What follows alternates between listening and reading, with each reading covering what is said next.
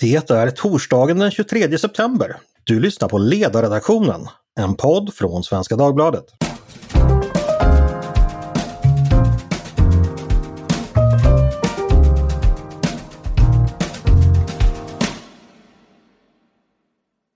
Varmt välkomna! Jag heter Andreas Eriksson och idag ska jag hjälpa er att bli lite klokare kring det stundande tyska valet. Med mig för att göra det har jag två kunniga gäster som kan Tyskland bättre än de flesta. Exempelvis Johannes Tångberg, reporter på Södermanlands Nyheter och författare till boken Europas mitt, resa genom Tyskland. Välkommen hit Johannes! Tack så mycket, tack! Och Anders Ydstedt, entreprenör och rådgivare åt svenska företag på den tyska marknaden. Välkommen hit Anders! Tack så mycket Andreas! Du kommer följa valet på plats i Berlin sa du precis. Eh, berätta, från, i vilket sammanhang? Nej, men jag bevakar mycket skattefrågor och näringspolitiska frågor, energi och mobilitet och sånt där. Och jag ska ner och träffa vän, vänner och sen ska jag träffa lite representanter för näringslivsorganisationer och skattebetalarorganisationer. Och så ska jag gå på valvaka på söndag med, med eh, bland annat skattebetalarorganisationer Jaha, i hela okay. Tyskland. Mm. Johannes, eh, ska du ner till Tyskland eller har du varit där nyligen under valrörelsen? Inte så mycket i valsammanhang. Jag var där i somras en sväng. Eh, brukar vara i Tyskland några gånger per år. Men inte till det här valet. Nej. Jag får försöka följa det från, från Sverige eh, på något sätt. Just det. Eh, vi ska prata om det sen, hur man bäst följer valet från svensk horisont. Hörrni, Tyskland kallas ju när man skojar ibland för Sverige för vuxna. Eh, sålunda är det alltså dags att ha ett val för vuxna. Hur går sådana till? Vad pratar man om? Tyskland är ju sedan länge en av Sveriges absolut viktigaste internationella partners på massor av områden. Vår största, hand, vår största handelspartner bland annat. Tysk kultur är förmodligen den som historiskt sett påverkat oss mest. Man behöver inte gå särskilt många generationer tillbaka för att hitta ett svenskt folk som kunde språket betydligt bättre än dagens stapplande dönerbeställningar. I svensk media har Tyskland tidigare i alla fall ofta hamnat i skuggan av USA. Eh, det har varit rätt mycket kritik mot att vi har varit ganska dåliga på att bevaka vårt, vår närmaste stormakt. Eh, jag gick in faktiskt och, och gjorde en snabbkoll innan vi började idag. Tittade på i mediedatabaser på i svenska medier antal träffar på Donald Trump, det vill säga den före detta amerikanska presidenten. fick ihop 238 träffar där. Medan Olaf Scholz som alltså då är favoriten för att vinna valet och bli kansler eh, efter söndagen, hade mindre än hälften så många, bara 102. Så att det kanske finns lite sanning i den där gamla kritiken, men jag tänkte att vi nästan skulle börja med att jag har en uppfattning att vi har spottat upp oss lite när det gäller Tysklands kännedomen i, i landet. Eller vad säger du Johannes? Hur tycker du svenska medier har gett för bild av Tyskland och valet den här gången?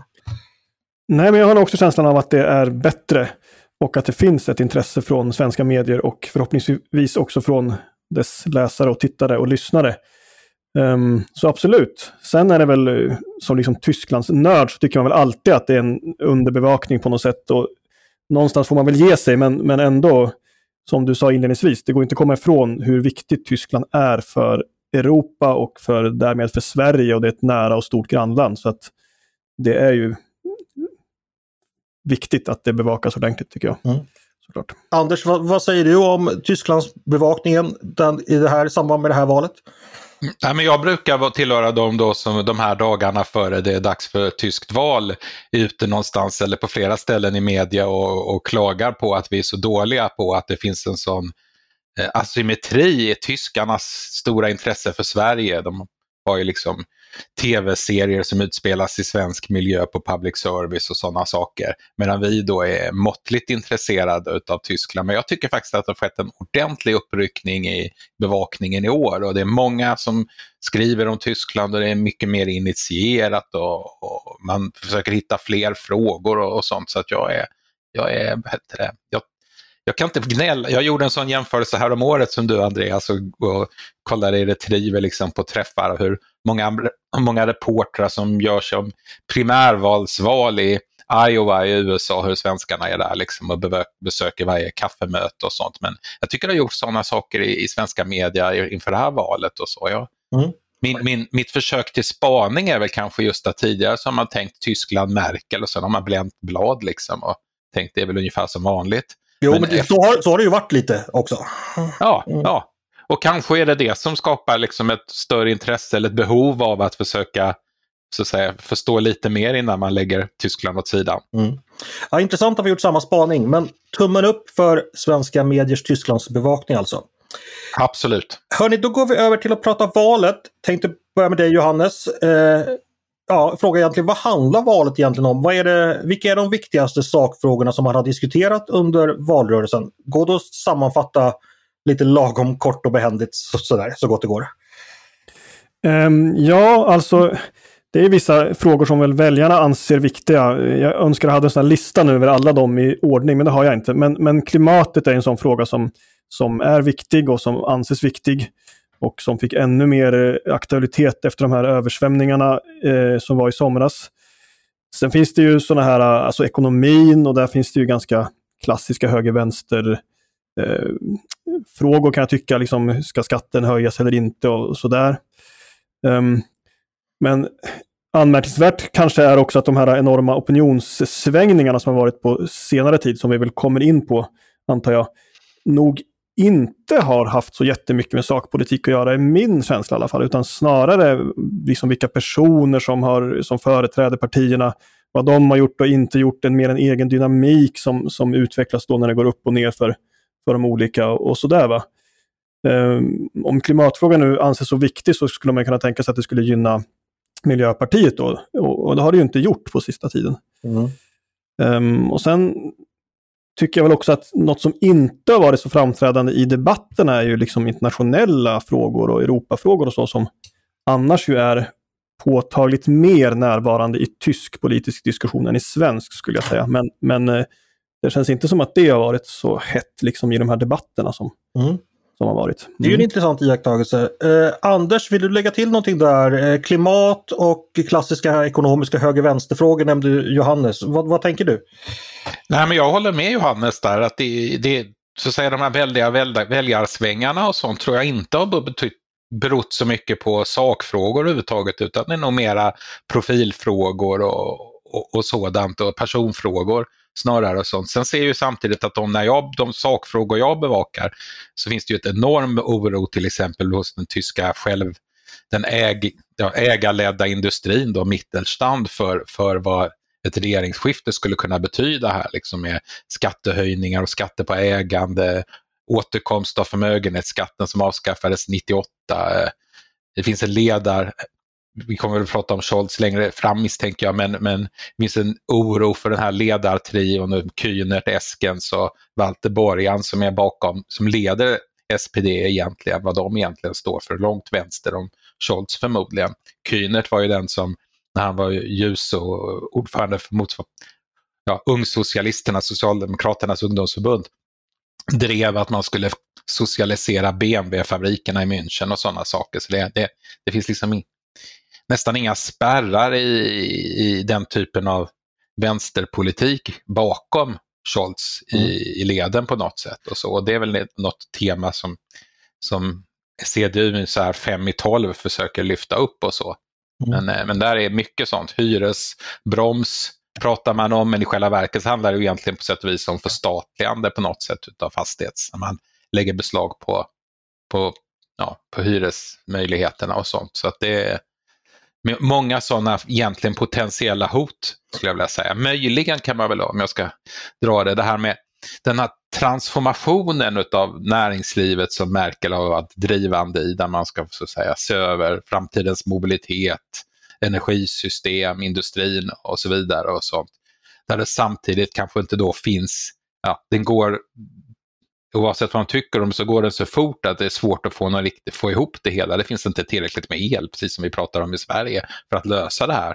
Och, och så. och där börjar det väl dyka upp faktiskt en realiserad oro, tror jag faktiskt, för, för en del av de här frågorna. Att det, hur ska det gå med jobben i, i bilindustrin? Ska vi byta till el? Ska tysk bilindustri tvingas tillverka bilar som inte går att sälja annat än i Tyskland? Mm och så vidare. Och det där är, så möjligen är den typen av frågor tycker jag på min radar ses som. Mm. Just det, vi hoppar över till dig Johannes. Anders beskriver här att det finns en oro eh, eller misstänksamhet från tysk höger mot att Socialdemokraterna eh, potentiellt skulle glida längre till vänster och att det där finns en höger-vänster-konflikt. Känner du igen det också eller hur skulle du vilja beskriva det? Nej men så är det ju absolut. Alltså dels eh, det som vi var inne på här att hur vänster är SPD då.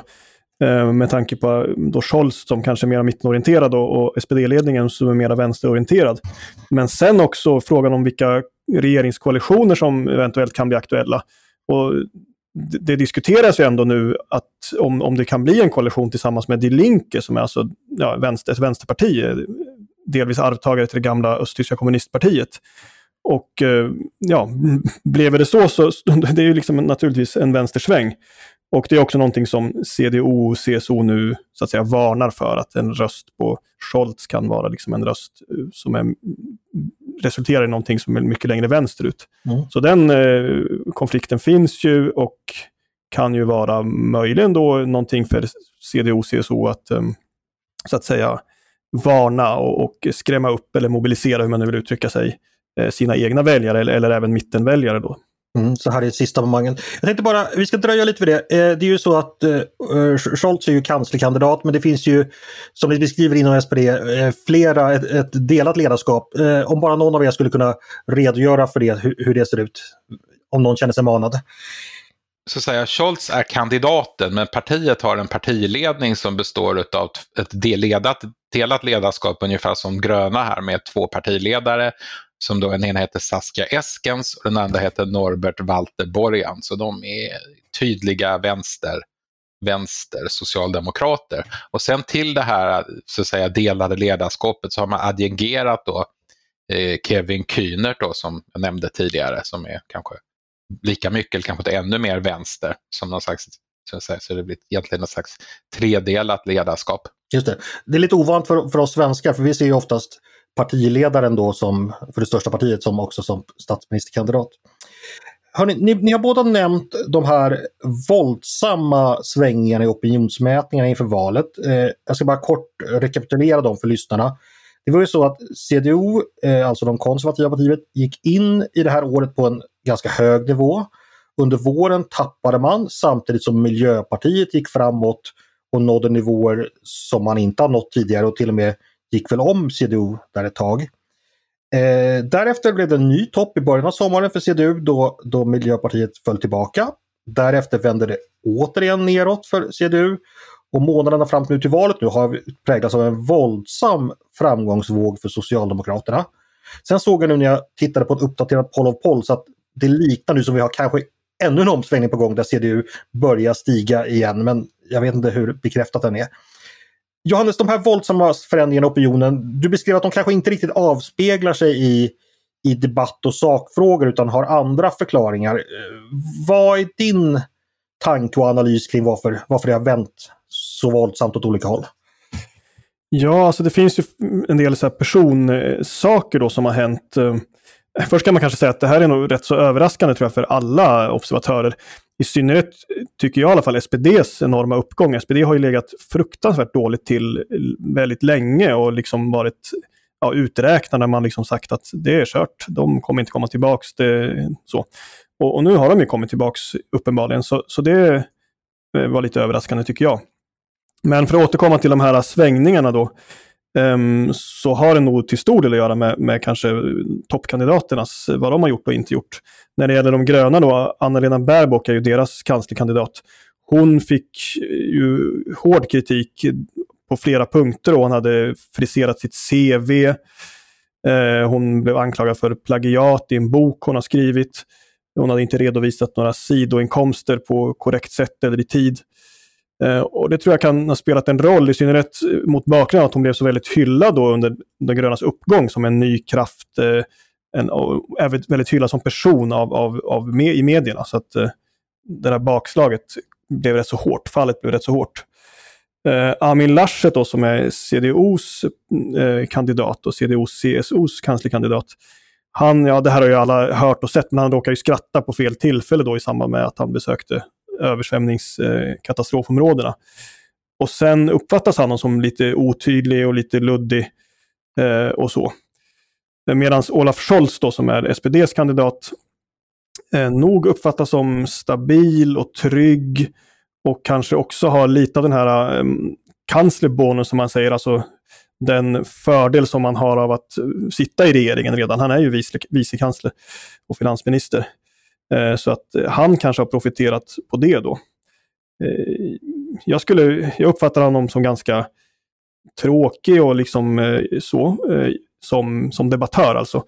Men det är kanske just den här tryggheten som folk tycker att han utstrålar då, som, som går hem i Tyskland. Mm. Anders, du får kommentera samma sak, de här våldsamma mm. svängningarna och deras anknytning till ja, helt enkelt cancerkandidaternas person och hur de uppfattas i media. Gör du liknande analys som Johannes här? Ja, det gör jag ju. Man lägger, om man tänker på de gröna så tror jag att, att de är dessutom, man funderar på hur kan, hur kan man göra sådana uppenbara missar, liksom att inte ja, redovisa ersättningar och CV-anpassningar och sånt som Baerbock har gjort och sånt. Och jag tror att det fanns en kultur att de helt enkelt inte granskades på samma, det påminner lite, granska, de är vana att, de, att, att public service och liksom, så att de gröna ändå såg som så, ja, de självuppoffrande och vi bryr oss om, om naturen och sånt där. Så att de har liksom varit hittills gått fria från, från den typen av granskningar. Och det kom nog lite grann som en överraskning helt plötsligt att, att det blev en sån, ja, att, att de gröna utsatts för samma typ av granskningar som andra partier alltid brukar, brukar utsättas för. Och det, det, är min gissning till förklaring till det här, men det är ju helt, helt sant att det, det, det har blivit en, vad heter det, det är en förklaring till det. Sen tror jag också att en klassisk grej med de gröna i Tyskland är ju att de brukar bli väldigt framgångsrika när, när de är gröna och då kan de lyfta till nästan hur stora höga siffror som helst. Och när de då blir riktigt eh, stora då börjar de bli kaxiga och så blir de lite mer röda också. Det är inte riktigt lika, lika går, det finns fler gröna röster så att säga över hela spektrat än, än, än det finns de som dessutom då vill vara väldigt röda samtidigt med grönt. Och då, då pyser det ihop lite grann, det ser vi i Sverige också att det, är samma sak här. att det, de, de, de, de gröna försöker vara kaxiga på röda områden.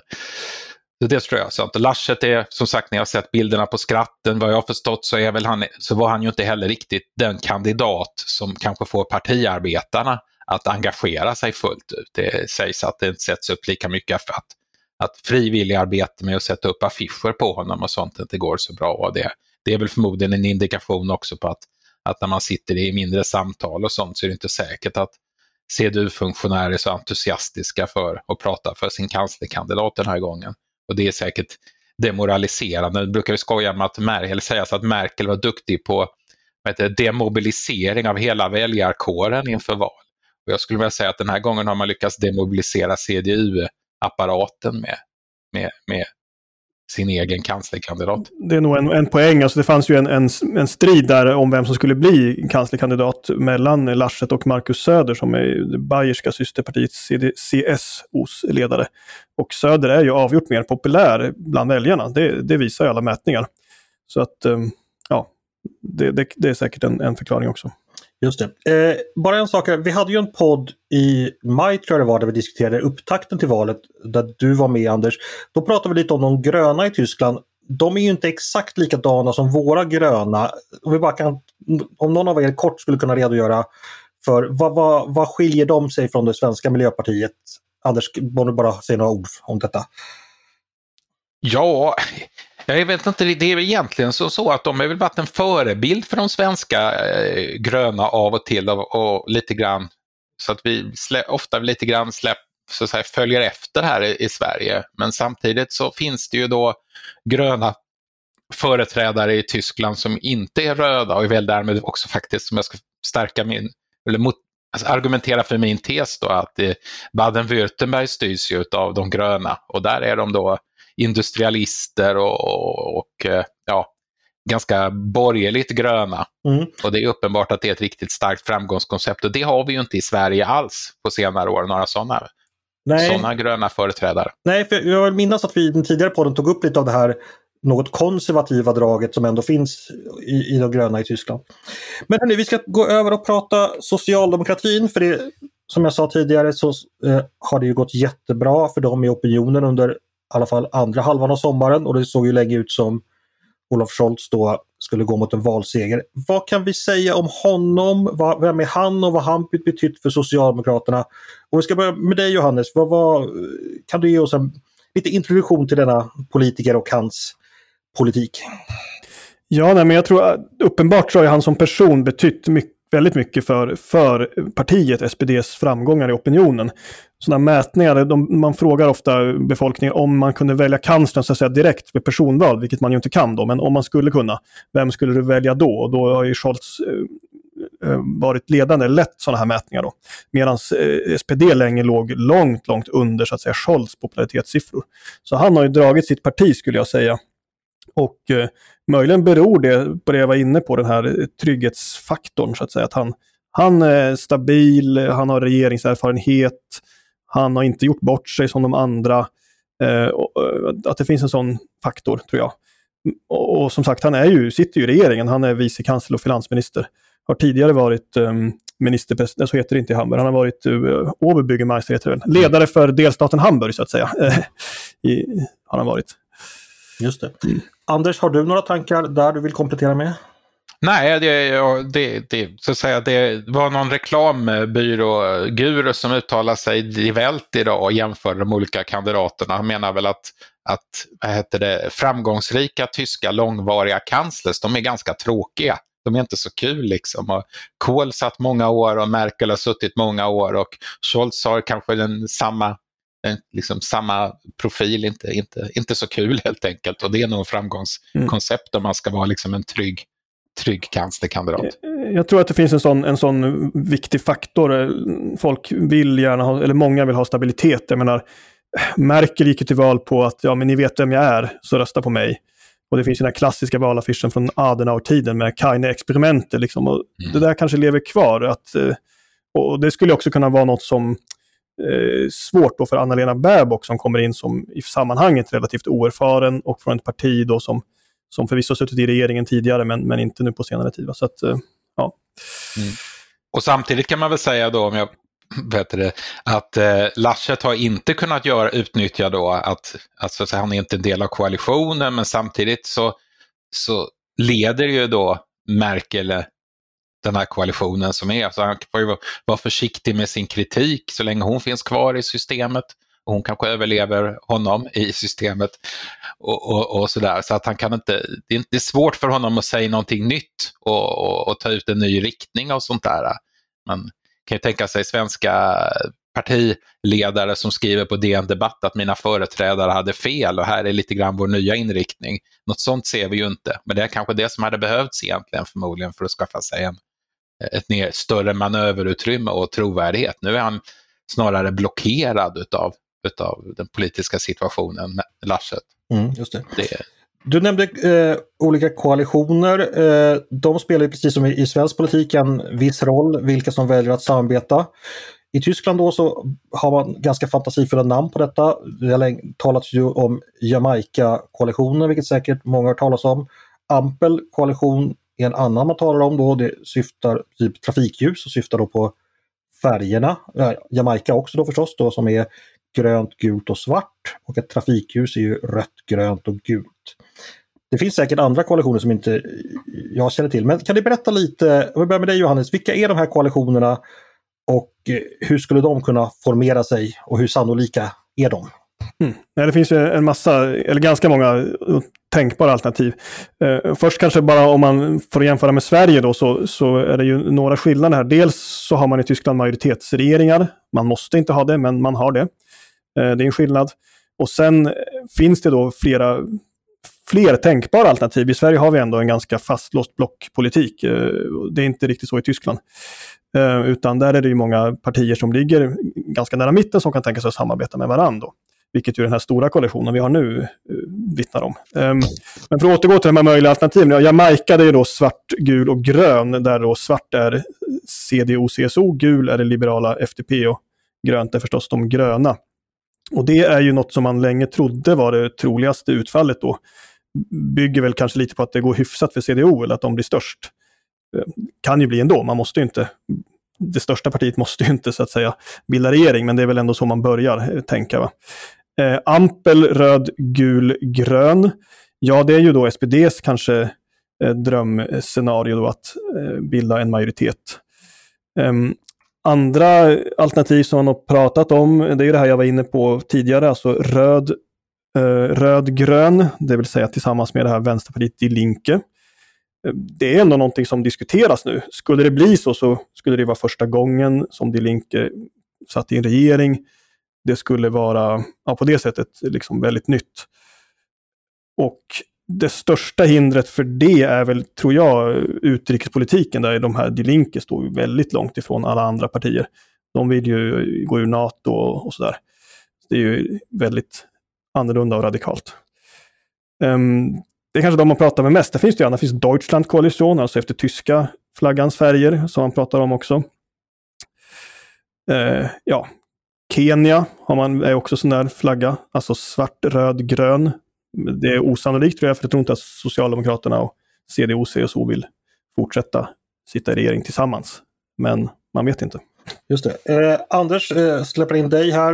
När man laborerar med de här färgerna, eh, vad tänker du om dem och olika sannolikheter för olika koalitioner? Det beror ju på valresultatet förstås, men hur, hur går diskussionen? Mm, nej, men jag, jag, delar nog Johannes bild av det här. Det, det, vad heter det, och, och med, med, men med oavsett vad som är rött, med mycket rött i, i flaggan om vi säger så. Jag tycker man tittar på tyska mm, så att säga, valbevakningar och sånt där så har de ofta väldigt roliga såna animationer också. Man kan se liksom, i alla fall teoretiskt sett oändligt många olika färgkombinationer man kan få ihop eller försöka få ihop då för att få ihop en majoritet och så och lära sig de olika flaggorna och sånt. Men, men rött i, flera, eller en eller flera varianter. Just det. Skulle jag säga. Den här gula färgen eh, som då står för det marknadsliberala FDP som verkar kunna finnas med i lite olika varianter eh, brinner ju jag som gammal folkpartist förstås för. Hur kommer det gå för dem och vilka tror ni de vill regera med i slutändan? Eh, Johannes? Det går ju hyfsat för dem i mätningarna. Um, jag vet inte, 11-12 procent kanske något sånt här. Uh, och eh, de kan ju få en, en nyckelroll eftersom de liksom är med i flera av de här scenarierna. Så, att, så på det sättet kan de få en viktig roll. Fick de välja så mm, föredrar ju de att samarbeta med CDO och CSO snarare än de gröna. Det, det har ju också uttryckligen sagt så från partiledningen. att ja, Jag har svårt att se vad, de, vad Socialdemokraterna ska kunna erbjuda oss, säger ju deras partiledare. Och så där. Men eh, förhandlingarna får ju utvisa hur, hur, det blir. För det finns som sagt väldigt många eller ganska många tänkbara koalitioner. Och det som har uteslutits är till exempel, ja, Laschet har ju sagt absolut inte med i Linke, ingen vill samarbeta med AFD. Ja, I övrigt så kan man tänka sig en massa kombinationer. Ja, Anders? Det finns ju ett dilemma för, för, för Linne då också, att de hamnar ju utanför förbundsdagen när de sena, efter att senast ha varit med och regera för att de inte fick igenom tillräckligt. Och Linne har ju flera gånger sagt i den här valrörelsen att besser nicht zu regieren als falsch zu regieren. Mm. Så att säga, hellre inte vara med än att, än att tvingas vara med på sånt som vi inte står för. Och där pågår ju ett spinn kan man väl säga då att, att ska, ska Linner vara den FDP var de som släpper fram det Linke att ska liksom, eh, ja, om Linner, om FDP säger nej till Socialdemokraterna så kanske det är han som är skyldig till att, till att Linke kommer in i regering. Lite grann för att sätta press på, på FDP då, att, att på något sätt vara med och hjälpa Socialdemokraterna att bilda regering. Och så. Och det är klart att det är en... Och, och, mm, precis, och det var ju vad han sa också eh, efter förra valet. Alltså det, man börjar, efter förra valet så börjar man ju prata med eh, FDP och de hoppar av de här förhandlingarna.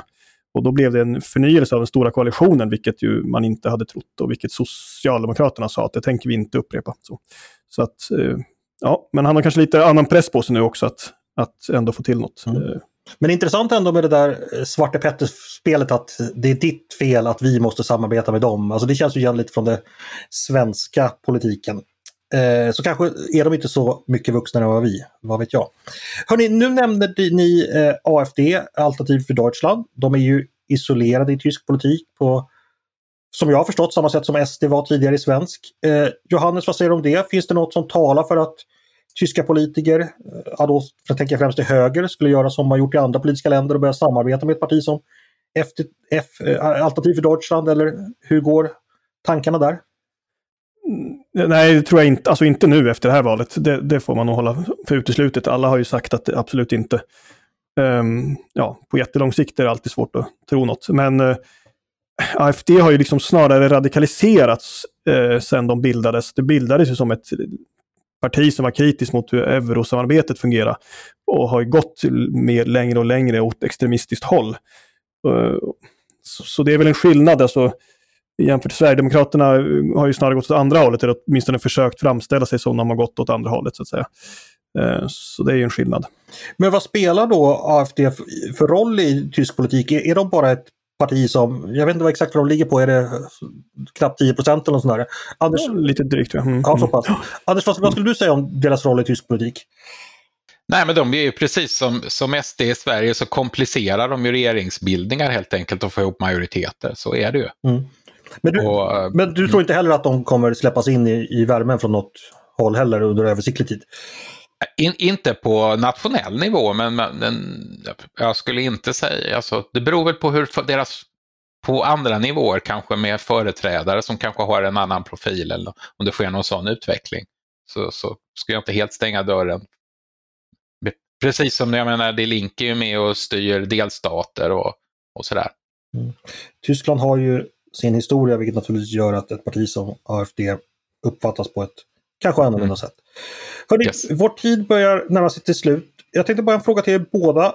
Tycker ni att det finns någonting i, när, när vi diskuterar det tyska valet eller tysk politik generellt, som vi missar i Sverige lite grann, eller som är underrapporterat, som är viktigt att förstå för att förstå hur, hur tyskarna tänker i politik? Vad säger du Anders? Alltså en, jag tänkte först så tänkte jag nej, jag skrev först, för valbevakningen är fantastiskt bra som vi började med att säga på den här podden i år. så, men det, så jag tänkt efter här nu under lunchen och då kom jag att tänka på en sak. Alltså Tyskland har ju en, vi pratar ju mycket om den här liberala demokratin som måste värnas i Sverige och jag tycker själv att det är lite si och så med den, för vi har ju ingen riktigt vettig makt, maktdelning i Sverige utan all makt utgår på något sätt från riksdagen i Sverige och, och regeringen. Här, medan i Tyskland har ju faktiskt en funktionell maktdelning. Och ibland överdriver man kanske betydelsen av en, en tysk regerings och kanslers möjlighet att göra saker och ting. Det finns så att säga, man måste ha förbundsdelstaterna med sig på många viktiga frågor och sånt. Och då behöver man kanske sitta med och göra ett sånt här diagram och se att hur, ja, det kanske finns ett, en, oavsett en sån här färgkombination, kanske inte har en majoritet för förslag förrän efter ett antal delstater är med på det också. Och då kanske det uppstår ett window of opportunity för att göra saker om 12 månader eller 18 månader efter några delstatsvalen och sånt. Men det. Och sen har man en stark författningsdomstol också som sätter liksom ifrågasätter. Det, är liksom, det svenska lagrådet har vi ju sett att det går att liksom strunta i, men författningsdomstolen har makt i Tyskland. Så att den där, det spelet och särskilt kanske just att hur betydelsen av att delstatsmajoritet också för frågor och att det verkligen är så, det, det, det tycker jag kanske inte vi har pratat så mycket om. Eh, Johannes, om jag släpper in dig här med samma fråga. Är det någonting du tycker att vi ibland missar i Sverige som borde plockas fram, lyftas fram tydligare?